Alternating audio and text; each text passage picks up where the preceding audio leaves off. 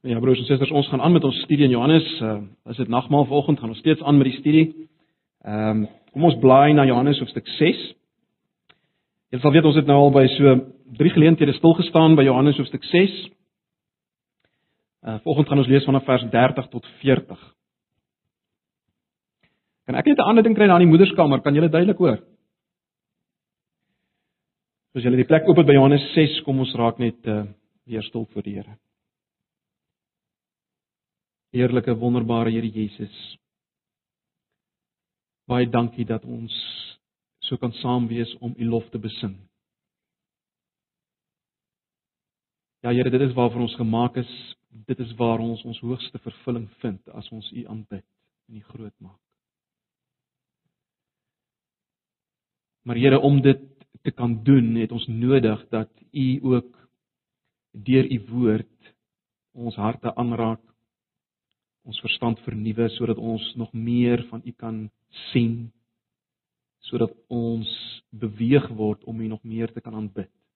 En ons wil vra dat U dit vanoggend sal doen deur die werking van die Gees en U woord. Asseblief. Ook as ons later vanoggend Here die tekens gaan gebruik van wat U vir ons gedoen het, wil jy ook dit gebruik om ons te beweeg om in alles wat ons dink en sê en doen U te aanbid en groot te maak. Asseblief. Ons vra nou Here dat U vir ons sal help as ons nou die woord gaan oopbreek. Help ons om dit te verstaan. Maar bo alles, help ons om U te sien vir wie U is. Kom ons swakheid help ons gebrokenheid. Asseblief, Here. En wil U vanoggend onder ons beweeg en vertroosting, versterking, bemoediging bring soos nodig. Asseblief, ons vra dit in Jesus se naam. Amen. Johannes hoofstuk 6. Ons gaan lees vanaf vers 30. Kom ek lees maar die 83 eh, vertaling. Hulle sê toe vir hom: "Watter wonderteken of, of uh, as jy wil net teken, dis soos dit in die 53 en in oorspronklik is. Watter wonderteken of teken kan u doen sodat ons dit kan sien en in u kan glo? Wat gaan u doen? Uh, ons voorouers het manna in die woestyn geëet soos daar geskrywe staan, hy het aan hulle brood uit die hemel gegee om te eet." Jesus het hulle geantwoord: "Dit verseker ek julle, dit is nie Moses wat vir julle die brood uit die hemel gegee het nie, maar dit is my Vader wat vir julle die ware brood uit die hemel gee." Die brood wat God gee is hy wat uit die hemel kom en aan die wêreld die lewe gee. Hulle sê toe vir hom: "Meneer, gee ons tog altyd hierdie brood." Maar Jesus sê vir hulle: "Ek is die brood wat lewe gee. Wie na my toe kom, sal nooit weer honger kry nie, en wie in my glo, sal nooit weer dors kry nie." Maar wat julle betref, ek het reeds gesê, julle sien my en en tog glo julle nie in my nie. Elkeen wat die Vader vir my gee, sal na my toe kom en ek sal hom wat na my toe kom nooit verwerp nie. Ek het van die hemel af gekom nie om my wil te doen nie, maar die wil van hom wat my gestuur het. En dit is die wil van hom wat my gestuur het, dat ek van almal wat hy my gegee het, nie een verlore sal laat gaan nie, maar hulle almal op die laaste dag uit die dood sal laat opstaan. Dit is die wil van my Vader dat elkeen wat die Seun sien en in hom glo, die ewige lewe sal hê en ek sal hom op die laaste dag uit die dood laat opstaan. Ons lees net so ver. Broers en susters, uh, vanoggend wil ek hê ons moet na hierdie gedeelte kyk met basies twee vrae uh in ons kop. Basies twee vrae. En die eerste vraag is bloot dit: uh is Jesus die brood van die lewe waarna ons nou al so baie gekyk het in hierdie afgelope paar Sondae? Is hy vir almal? Of anders gestel, kan ons hom vir almal aanbied as die brood van die lewe? Dis die eerste vraag. En die tweede vraag is dit: As ek Jesus as die brood van die lewe geëet het, gesien het vir wie hy is, hom geëet het, sal ek uiteindelik voor hom staan. Of is daar 'n moontlikheid dat dat ek dit nie gaan maak nie? Dat ek uiteindelik gaan uitvind ja ek het ek het geëet van hom die brood wat tot in ewigheid bly maar dit was toe nie so nie Ek het nie behoue gebly nie. Dit is twee vrae wat ek wil hê ons moet so in ons agterkop hê as ons na hierdie gedeelte gaan kyk. So kom ons uh, kom ons staan nader aan hierdie gedeelte. Ek wil werklik vra dat u maar u Bybel sal oop hê en sal volg. Ehm um, een van daai gedeeltes waar mense maar moet bybly, uh, anders dan gaan julle my dalk verloor. So kom ons uh, bly maar by die teks. Ehm um, Kom ons kyk eerstens net baie vinnig na die struktuur van hierdie gedeeltetjie. Basies kan mens hierdie gedeelte wat ons gelees het, vers 30 tot 40 in twee dele deel, né? Nee. Uh die eerste deel uh is strek van vers 30 tot vers 36 en die tweede deel van vers 37 tot 40. So dis 30 tot 36 en 37 tot 40. Dis die twee groot dele waarna ons hierdie gedeelte kan verdeel. Nou, een manier hoe ons hierdie twee dele kan opsom is is as volg. Ons kan sê in die eerste deel, vers 30 tot 36, uh word God se gawe, dit is Jesus, aan mense gegee, maar dit word nie ontvang nie. Dit word nie ontvang nie en uh, alles is uiteindelik verlore. Dis wat ons in die eerste gedeelte kry. In die tweede deel, uh vers 37 tot 40 word God se gawe Jesus gegee. Dit word ontvang en bewaar vir ewig. Vir ewig. Dis die tweede gedeelte. Ons kan dit ook op 'n ander manier beskryf. Ons kon sê in die eerste gedeelte vers 30 tot 36 beskryf die oënskynlike mislukking van God in die stuur van sy seun om lewe te gee wat tot in ewigheid sal wees. En die tweede deel vers 37 tot 40 beskryf die kom ek stel dit so onvernietigbare sukses van God om lewe te gee wat tot in ewigheid sal bly. Met ander woorde, sy doelwit om lewe te gee is onvernietigbaar suksesvol in die tweede gedeelte. En broers en susters, alles wat uh, alles wat ek nou gesê het, kan ons op nog 'n ander manier stel. Ons kan sê, ons kan na alles wat in die wêreld gebeur uit twee hoeke kyk. Ons kan daarna kyk vanuit die hoek van die mens en sy verantwoordelikheid om te ontvang dit wat God gee. En ons kan uit vanuit God se kant kyk na sy soewereiniteit. Sy mag om sy doelwitte te bereik, né? Nee, om dit uit te voer, te volbring, net soos jy dit wil stel. En hierdie kant van die mens en sy verantwoordelikheid kry ons in vers 30 tot 36 en hierdie kant van God, sy soewereiniteit, sy werking kry ons dan veral in die laaste gedeelte vers 37 tot 40. En as mens die twee gedeeltes bymekaar sit, uh dan is baie duidelik dat die groot punt wat gemaak word hier is dit: God se doelwit misluk nie. God se doelwit om ewige lewe te gee in Jesus misluk nie. Maar ek wil nie volgende uh, dat ons al besig weet wees met 'n met 'n teologiese bespreking oor hierdie onderwerp nie. Kom ons kom ons gaan na die skrif self en kyk hoe dit op 'n verrassende wonderlike wyse uh, alles na vore kom in hierdie gedeelte wat ons gelees het. So kom ons uh, ons gaan na hierdie gedeelte. Kom ons kyk na dit binne uh binne sy verbande. In vers 30 As jy kyk na vers 30, is Jesus steeds besig om te praat met hierdie skare, jy sal weet mense wat hom gevolg het, weer terug na die oorkant uh, uh van die meer, hulle het hom weer gevolg. Let wel nie omdat hulle ges, uh, hom gesien het vir wie hy is nie, maar omdat hulle beleef het wat hy vir hulle kon gee. Nee. Dis hoekom hulle hom gevolg het. Ons het daarna gekyk. Hulle het versadig geword met die kos wat hy vir hulle gegee het in vers 26. En jy sal onthou in vers 27 wanneer ons veral laas keer gekyk het en op gefokus het, uh wys Jesus hulle, hy probeer hulle aandag vestig op op die brood wat tot in ewigheid bly. Hy sê vir hulle moenie werk vir die vir die voedsel wat vergaan nie, maar werk vir dit wat bly tot in ewigheid. Hy vestig hulle aandag daarop. En in vers 29 het ons gesien dat dit baie duidelik maak dat die werk vir die ewige lewe, dit wat God verwag, soos die 83 dit vertaling het stel, dit wat God van julle verwag, of dan die werk is niks anders as om te glo in Jesus as die brood wat lewe gee tot in ewigheid. Dis wat God verwag. Dis die werk. Nou, in antwoord daarop kom die skare dan en sê vir hom die volgende in vers 30 tot 31. Kyk net daar.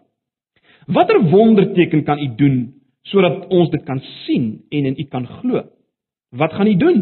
Ons voorouers het manna in die woestyn geëet, soos daar geskrywe staan, hy het aan hulle brood uit die hemel gegee om te eet. Hoekom sê hulle dit? Hoekom sê hulle dit? Waarom hierdie opmerking? Wel, ek dink tog ons moet dink in in in die volgende lyne. Uh hierdie mense was mense wat versadig geword het met die kos wat Jesus gegee het toe hy die 5000 uh, gevoed het. Hulle het dit gesien. Maar dis nou al uh, weer die volgende dag en hulle het uh, hulle het weer honger geword, né? Hulle ma is nou nie meer vol nie. Ehm uh, en verseker sou hulle onthou het dat Moses in sy tyd het uh in die woestyn het manna elke dag gegee vir 40 jaar lank. Met ander woorde, die wonder was nie net een dag gewees nie, dit was vir 40 jaar lank elke dag. So wat sê hulle in effek vir Jesus? Hulle sê in effek van kyk, as jy wil hê ons moet jou sien en in jou glo, hou aan met werk. Gaan voort om hierdie teken te doen. Gaan voort om hierdie teken te doen, hierdie wonderteken. Dan sal ons glo.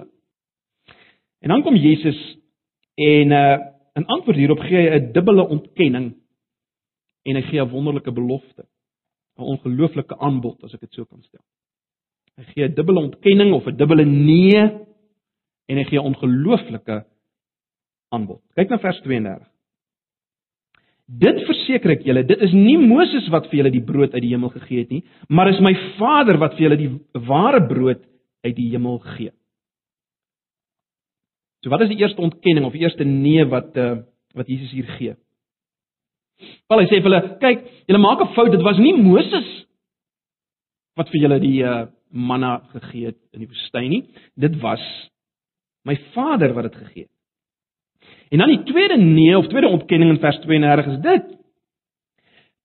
Die brood wat Moses vir julle gegee het in die woestyn was nie die hoofpunt daar nie. Dit het alreeds toe vir iets anders gestaan. Daar was iets meer op die horison, die ware brood wat uit die hemel kom. Dis die eintlike brood wat God gee. En daarop brei Jesus natuurlik uit in die volgende 3 verse en ons sal daarna kyk. En dan kom hierdie ongelooflike aanbod in vers 32. Kyk net die laaste eh, frase van vers 32. Maar dit is my Vader wat vir julle die ware brood uit die hemel gee. Kyk net aan daai stelling. Dit is my Vader wat vir julle die ware brood uit die hemel gee. Broers en susters, ons ons mag dit nie miskyk nie. En hier sal julle begin sien wat ek bedoel het toe ek gesê het uh dat ons kan na dinge kyk vanuit God se aanbod en die mense verantwoordelikheid om daarop te reageer, né? Nee. Kyk mooi na hierdie woordjie, julle. Let op daai woordjie julle. My Vader gee julle Hy praat met daai mense daar voor hom, die skare. Hy sê vir hulle, "My Vader gee julle. My Vader gee julle, julle wat hier staan, die skare, gee hy die brood uit die hemel." Nou die meeste van hulle, let wel, gaan hom nie ontvang nie. Dit is baie duidelik. Maar tog stel hy dit so. En broers en susters, ons moet dit raak sien. Dit is die manier waarop ons na die wêreld gaan en met die wêreld praat. Dis wat ons vir hulle sê. God het vir julle die brood uit die hemel gegee. sien dit, ontvang dit, eet dit. Hy bied dit vir julle aan. Dis gratis. Vat dit. Hy gee vir julle die brood uit die hemel. Vat dit. Dis wat ons dis ons boodskap vir die wêreld. Dis duidelik hier. In die volgende vers, vers 33 bevestig Jesus uh die aard van hierdie ware brood en en die rykwyte as ek dit so kan stel van hierdie aanbod. Let op. Die brood wat God gee is hy wat uit die hemel kom en aan die wêreld die lewe gee.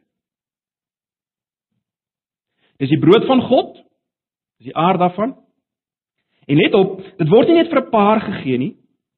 Dit word vir die wêreld aangebied. sien julle? Dis eksplisiet hier vir die wêreld. Dit kom uit die hemel en dit gee lewe vir die wêreld. Hier is 'n globale aanbod en 'n verantwoordelikheid. Hier is 'n globale aanbod en 'n verantwoordelikheid om te reageer op hierdie aanbod. Om om te sien en te glo en die brood van God te eet, om dit te sien vir wat dit is en dit te eet. Maar die mens se reaksie hierop is baie dieselfde as wat die vrou se reaksie daar by die put was in Johannes 4 vers 15 waar dit baie duidelik is. Sy sê: "Ja, wel gee vir my hierdie water dat ek kan drink," maar sy sy dink in terme van die fisiese water, né? Nee.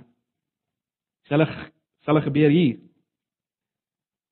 Hulle dink aan aan brood soos dit wat Moses gegee het, né? Nee. gee vir ons dit wat ons ma volmaak. Dis wat hulle sê in effek in vers 34. En dan broers en susters in vers 35 kom Jesus en vir die eerste keer praat hy baie eksplisiet oor homself. Kyk na vers 35. Wat 'n ongelooflike vers. Ek is die brood wat lewe gee. Wie na my toe kom sal nooit weer honger kry nie en in wie my glo sal nooit weer dors kry nie. Hierdie is 'n ontsaglike vers, want hier word vir ons gesê broers en susters wat geloof is. Wat is geloof? Dis om honger te wees en om Jesus te sien as die vervulling van jou diepste honger. En is om te eet en versadig te word. Dis geloof. Geloof het niks te maak met die instemming tot 'n paar feite. Totale intellektuele instemming. Saamstem. Of jy sê van 'n paar sinne agterom aan of wat die geval mag wees nie. Nee. Geloof het alles te maak met 'n honger wees om Jesus te sien en te eet en versadig te word. As die een wat alles vervullend is. sien julle dit hier? Let bietjie mooi op. Kyk bietjie mooi na vers 35 sien julle die parallel tussen die kom na Jesus om versadig te word met hom en geloof in Jesus? sien julle dit? Die kom na Jesus om versadig te word en geloof. sien julle die parallel? Kyk na die eerste stelling in daai vers. Kyk na die eerste stelling. Ek is die brood wat lewe gee. Wie na my toe kom sal nooit weer honger kry nie. Dis die eerste stelling. Aan die ander woorde, ons kom na Jesus om ons honger te stil. sien julle dit? Dis die eerste stelling. Ons kom na Jesus om ons honger te stil.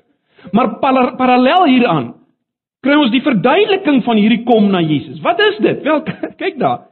En wie ook al in my glo, sal nooit weer dors kry.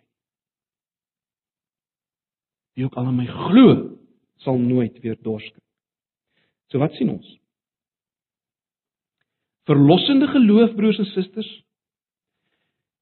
is om tevrede te wees of versadig te word met alles wat God vir ons is in Jesus. Uh ek dink ek het verlede Sondag vir julle gesê ons moet onthou as ons praat van die die eet van Jesus of die drink van Jesus wat 'n beskrywing is van geloof, dan dan is dit natuurlik metafories, né? Nee. Ons ons ons sal dit byvoorbeeld sê as ons staan voor 'n ontsaglike pragtige toneel. Die Grand Canyon of die Drakensberge of wat dit ook al mag wees. Uh, en dan sê ons ons drink die toneel in. In ander woorde, ons ons laat toe dat hierdie ontsaglike toneel ons beïnvloed en ons as te ware omkeer. Ons weerstaan dit nie. Ons ons sien dit vir wat dit is en ons laat toe dat dit ons verander. Ons drink dit in. Dis geloof.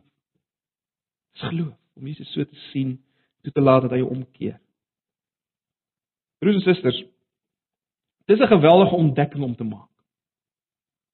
As jy begin verstaan dat dit wat is wat geloof is, is dit 'n geweldige ontdekking. Jy kan nooit weer die Bybel dieselfde lees nie. Jy kan nooit weer dink aan gehoorsaamheid op dieselfde wyse nie, né? Nee. Gehoorsaamheid wat voortvloei uit hierdie geloof. Jy kan nooit weer dieselfde daaroor dink nie. Jy kan nooit weer dieselfde dink oor die oor die geveg vir heiligheid en die geveg vir reinheid nie. Jy kan nooit weer dit sien as 'n blote plig wat uiteindelik lei tot 'n miserabele lewe eintlik nie. Nee. Jy sien dit as 'n as 'n veg vir vreugde en vervulling en versadiging. En dit maak nie wêreld se verskil. Aan geloof, hoe jy dink aan geloof en hoe jy dink aan aan die Christelike lewe en die die geveg waarmee ons te maak het elke dag. Alles verander. Ewe skielik word die word die geveg van geloof uh waarvan die Bybel baie praat, stry die stryd van geloof. Hierdie geveg van geloof word ewe skielik nie hierdie plig nie. Nee, dis 'n geveg vir vreugde, vir blydskap. Dit verander alles. En en hierdie geveg vir vreugde is om om weer alles te doen wat jy moet om Jesus te sien vir wie hy is en om hom bo alles te verkies. Te eet. Dit verander alles. Verander die Christelike lewe. Maar nou kyk na die vloei van die teks nou in vers 36. In vers 36 sê Jesus dit wat ons nou hier beskryf het, het hulle nie gedoen nie. Dit wat hulle dit wat ons nou vir mekaar gesê het oor geloof, dit het hulle nie gedoen nie. Luister na vers 36. Maar wat julle betref, ek het reeds gesê, julle sien my en tog glo julle nie in my nie. Ja, hulle sien hom, maar hulle sien hom nie. sien julle dit? Hulle sien hom, maar hulle sien dit. En hulle glo nie. Hulle kom nie om te eet en en om totale vervulling en versadiging te kry nie. En dis waarmee die eerste deel hierdie vers 30 tot 36 eindig, sien julle dit? Dit eindig met hierdie hierdie hierdie aanbod van God wat verwerk word. Hy bied sy brood aan. Sy seun vir sy eie mense, die Jode, nê, nee, waarvan Hoofstuk 1 al reeds praat. Hy het sy eie gekom en sy eie het hom nie aangeneem nie. Die die Jode, die volk van die historiese volk van God. So, om terug te kom na wat ons in die begin gesê het, dit is hoe God se reddende doelwit vanuit die kant van die mens en sy van verantwoordelikheid lyk. Dis hoe dit lyk vanuit die kant van die mens en sy verantwoordelikheid. God bied sy seun aan en die mens is verantwoordelik om dit te sien en te glo. Maar hulle doen dit nie. Hulle doen dit nie. Ons doen dit nie. Dis 'n reaksie. En nou is 'n onmiddellike vraag: Het die reddende doelwit van God dan misluk? Het dit dan misluk? En as ons sê dit nie misluk nie, hoekom nie? Wel, broers en susters, die kort, kort antwoord is dit het nie. En vers 37 tot 40 maak dit baie duidelik hoekom dit nie misluk nie. Nee. God is soewerein as dit kom by die werk van 'n persoon se verlossing en hy sal nie sy uiteindelike doel wat laat misluk nie. Dis baie duidelik. En ons kry 5 vyf kragtige bevestigings van God se werking hier in vers 37 tot 40. En dit is baie belangrik dat jy dit vir jouself sal sien, dat jy niemand se woord daarvoor sal neem nie. Jy moet dit self sien en ek wil hê jy moet dit vanoggend self sien. Jy moet nie my woord daarvoor vat nie. Dis te kosbaar, broers en susters, om om jou opinie op 'n mense of jou oortuiging op 'n mens se opinie te baseer, of net soos jy dit wil sê. Dit is te kosbaar. Dit dis my en jou lewe en hoop en sekuriteit wat hier op die spel is. Dis alles. So kom ons kyk na hierdie 5 bevestigings. Kom ons gee dit in die vorm van 5 stellings soos dit hier voorkom. In die eerste die eerste bevestiging of stelling is dit: God gee mense vir Jesus. God gee mense vir Jesus. sien julle dit? Vers 37. Kyk. Elkeen wat die Vader vir my gee, sal na my toe kom. Kyk na vers 39. En dit is die wil van hom wat my gestuur het dat ek aan almal wat hy my gegee het, nie een verlore sal gaan nie. Ons kry dit weer in vers 44. En ons sien dit ook weer in vers 65, maar ek gaan nie nou laat ons na daai verse kyk nie, ons ons kom nog by daai gedeelte. Maar jy sien is baie duidelik hier, God wag nie vir sekere mense om na hom te kom nie. As hy sou, sou hulle nooit gekom het nie. Hy gee hulle vir Jesus. Hy gee hulle vir Jesus. Hy kies hulle en hy gee hulle vir Jesus. Baie belangrik. So dis die eerste stelling. God gee mense vir Jesus. Die tweede stelling is dit. Omdat God mense vir Jesus gee, kom hulle na Jesus. Kyk na vers 37. Elkeen wat die Vader vir my gee, sal na my toe kom. En onthou nou, ons het nou reeds in vers 35 gesien dat uh kom is dieselfde as glo, né? Nee. So ons kon ook sê elkeen wat die Vader vir my gee, sal glo. Elkeen wat die Vader vir my gee, sal kom. Baie belangrik, broers en susters, dis nie andersom nie. Nee, dis nie andersom. Met ander woorde, Jesus sê nie dat mense na hom kom en in hom glo en dan gee die Vader hulle vir hom nie. Nee, dis nie andersom. Dis mense wat kom en glo en dan daai mense gee gee die Vader vir Jesus nie. Nee. Die Vader gee mense vir Jesus en dan kom hulle en hulle glo. So hy verseker hulle kom. Hy bewerk hulle kom. Wanneer jy na Jesus kom, is dit God wat dit bewerk het. Wat jou gebring het. As jy glo, is dit God wat jou oë oopgemaak het. Toe Jesus vir jou geen sin gemaak het nie en ewe skielik maak hy vir jou sin en ewe skielik sien jy hom vir die wonderlike persoon wat hy is, die alles vervullende brood. Hy het jou oop. God het dit gedoen. En omdat God dit gedoen het, het jy gekom. Jy het vrylik gekom. Jy het nie onder dwang gekom nie, verseker. Jy het vrylik gekom. Maar dis die tweede stelling. Die derde stelling is dit. Die wat vir Jesus gegee is en na Jesus kom, word vir ewig bewaar deur Jesus en nie een gaan verlore nie.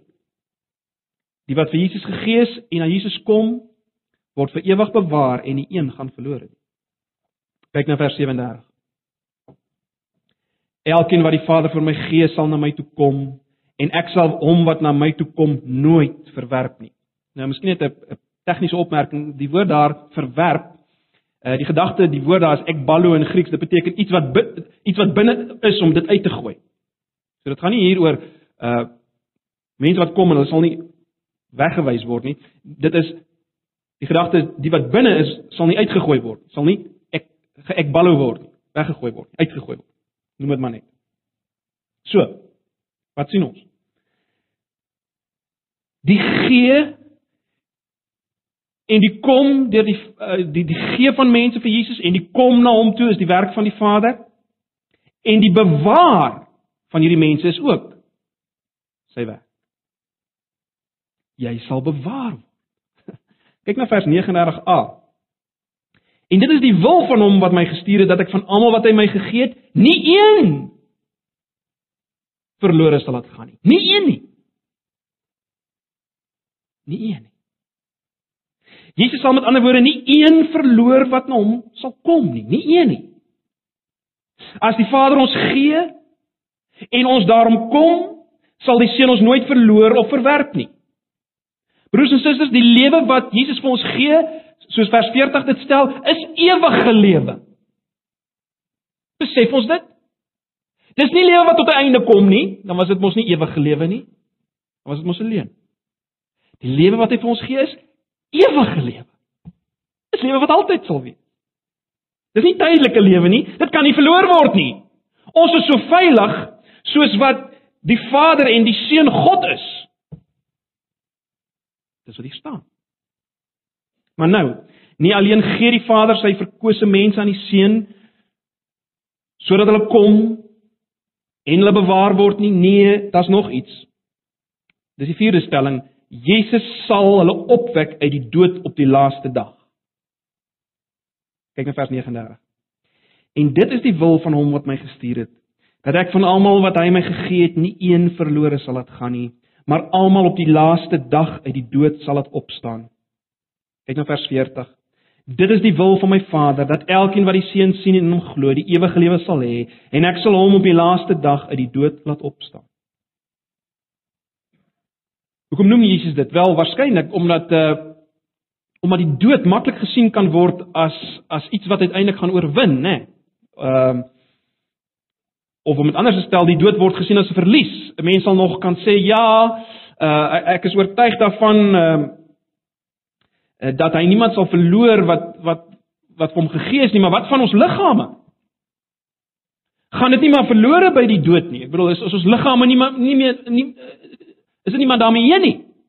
Nee. Vergaan dit nie man. Dit lyk tog so. En dan kom Jesus en hy antwoord hier twee keer kristalhelder.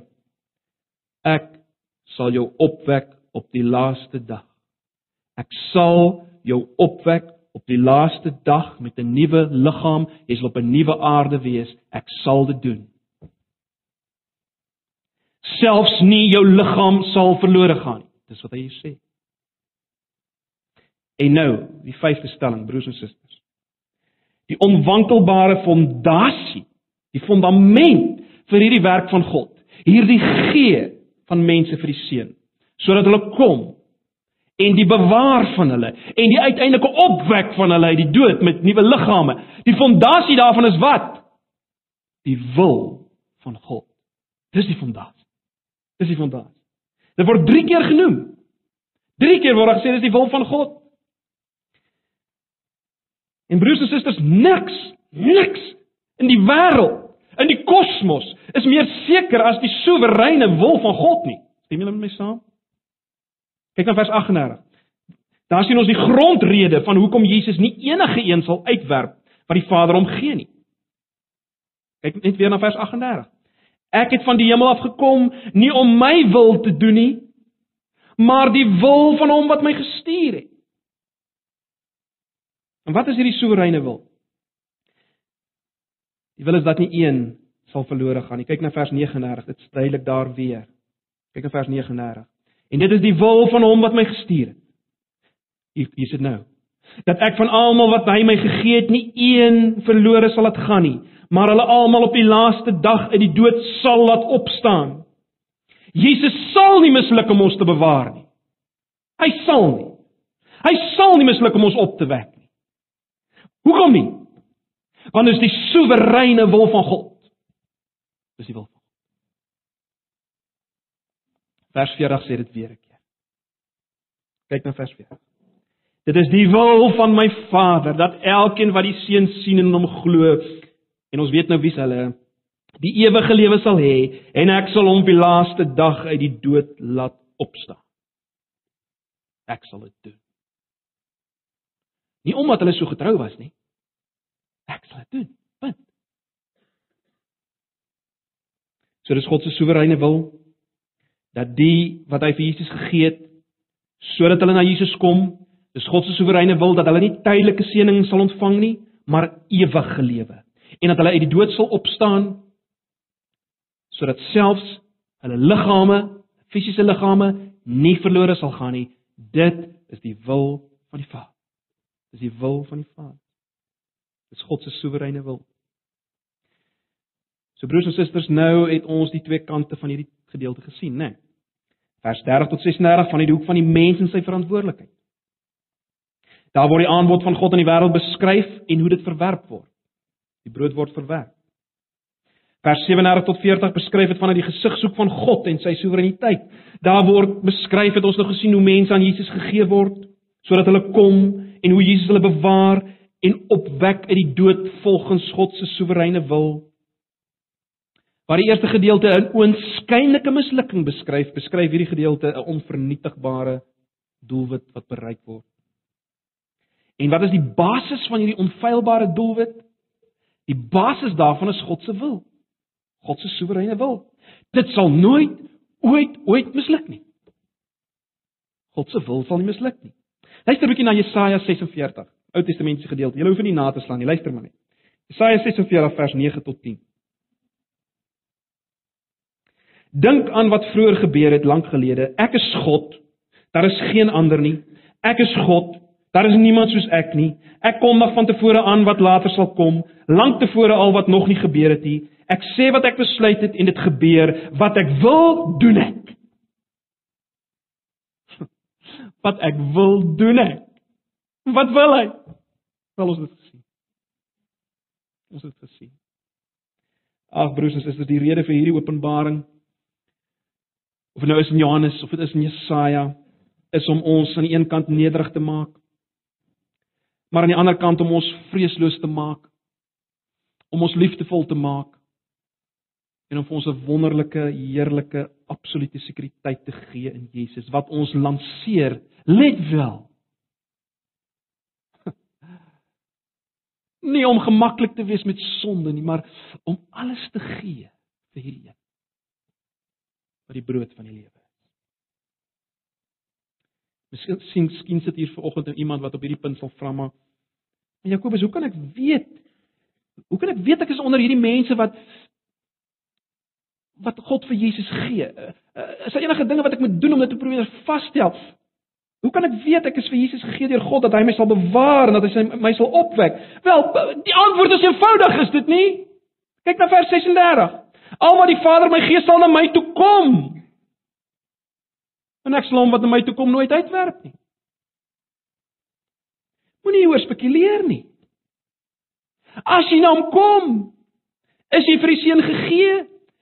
Ag uh, ja, as jy vir die seun gegee en as jy gegee is aan die seun, dan sal jy bewaar word en jy sal opgewek word op die laaste dag. So kom. Kom. En as jy volgens iemand is wat wil kom, kom. As jy wil kom, as jy vir die Vader gegee, niemand sal wil kom. Niemand sal wil kom as die Vader hom nie gegee het vir Jesus nie en hom sal bewaar en hom sal opwek nie. Kom. Kom.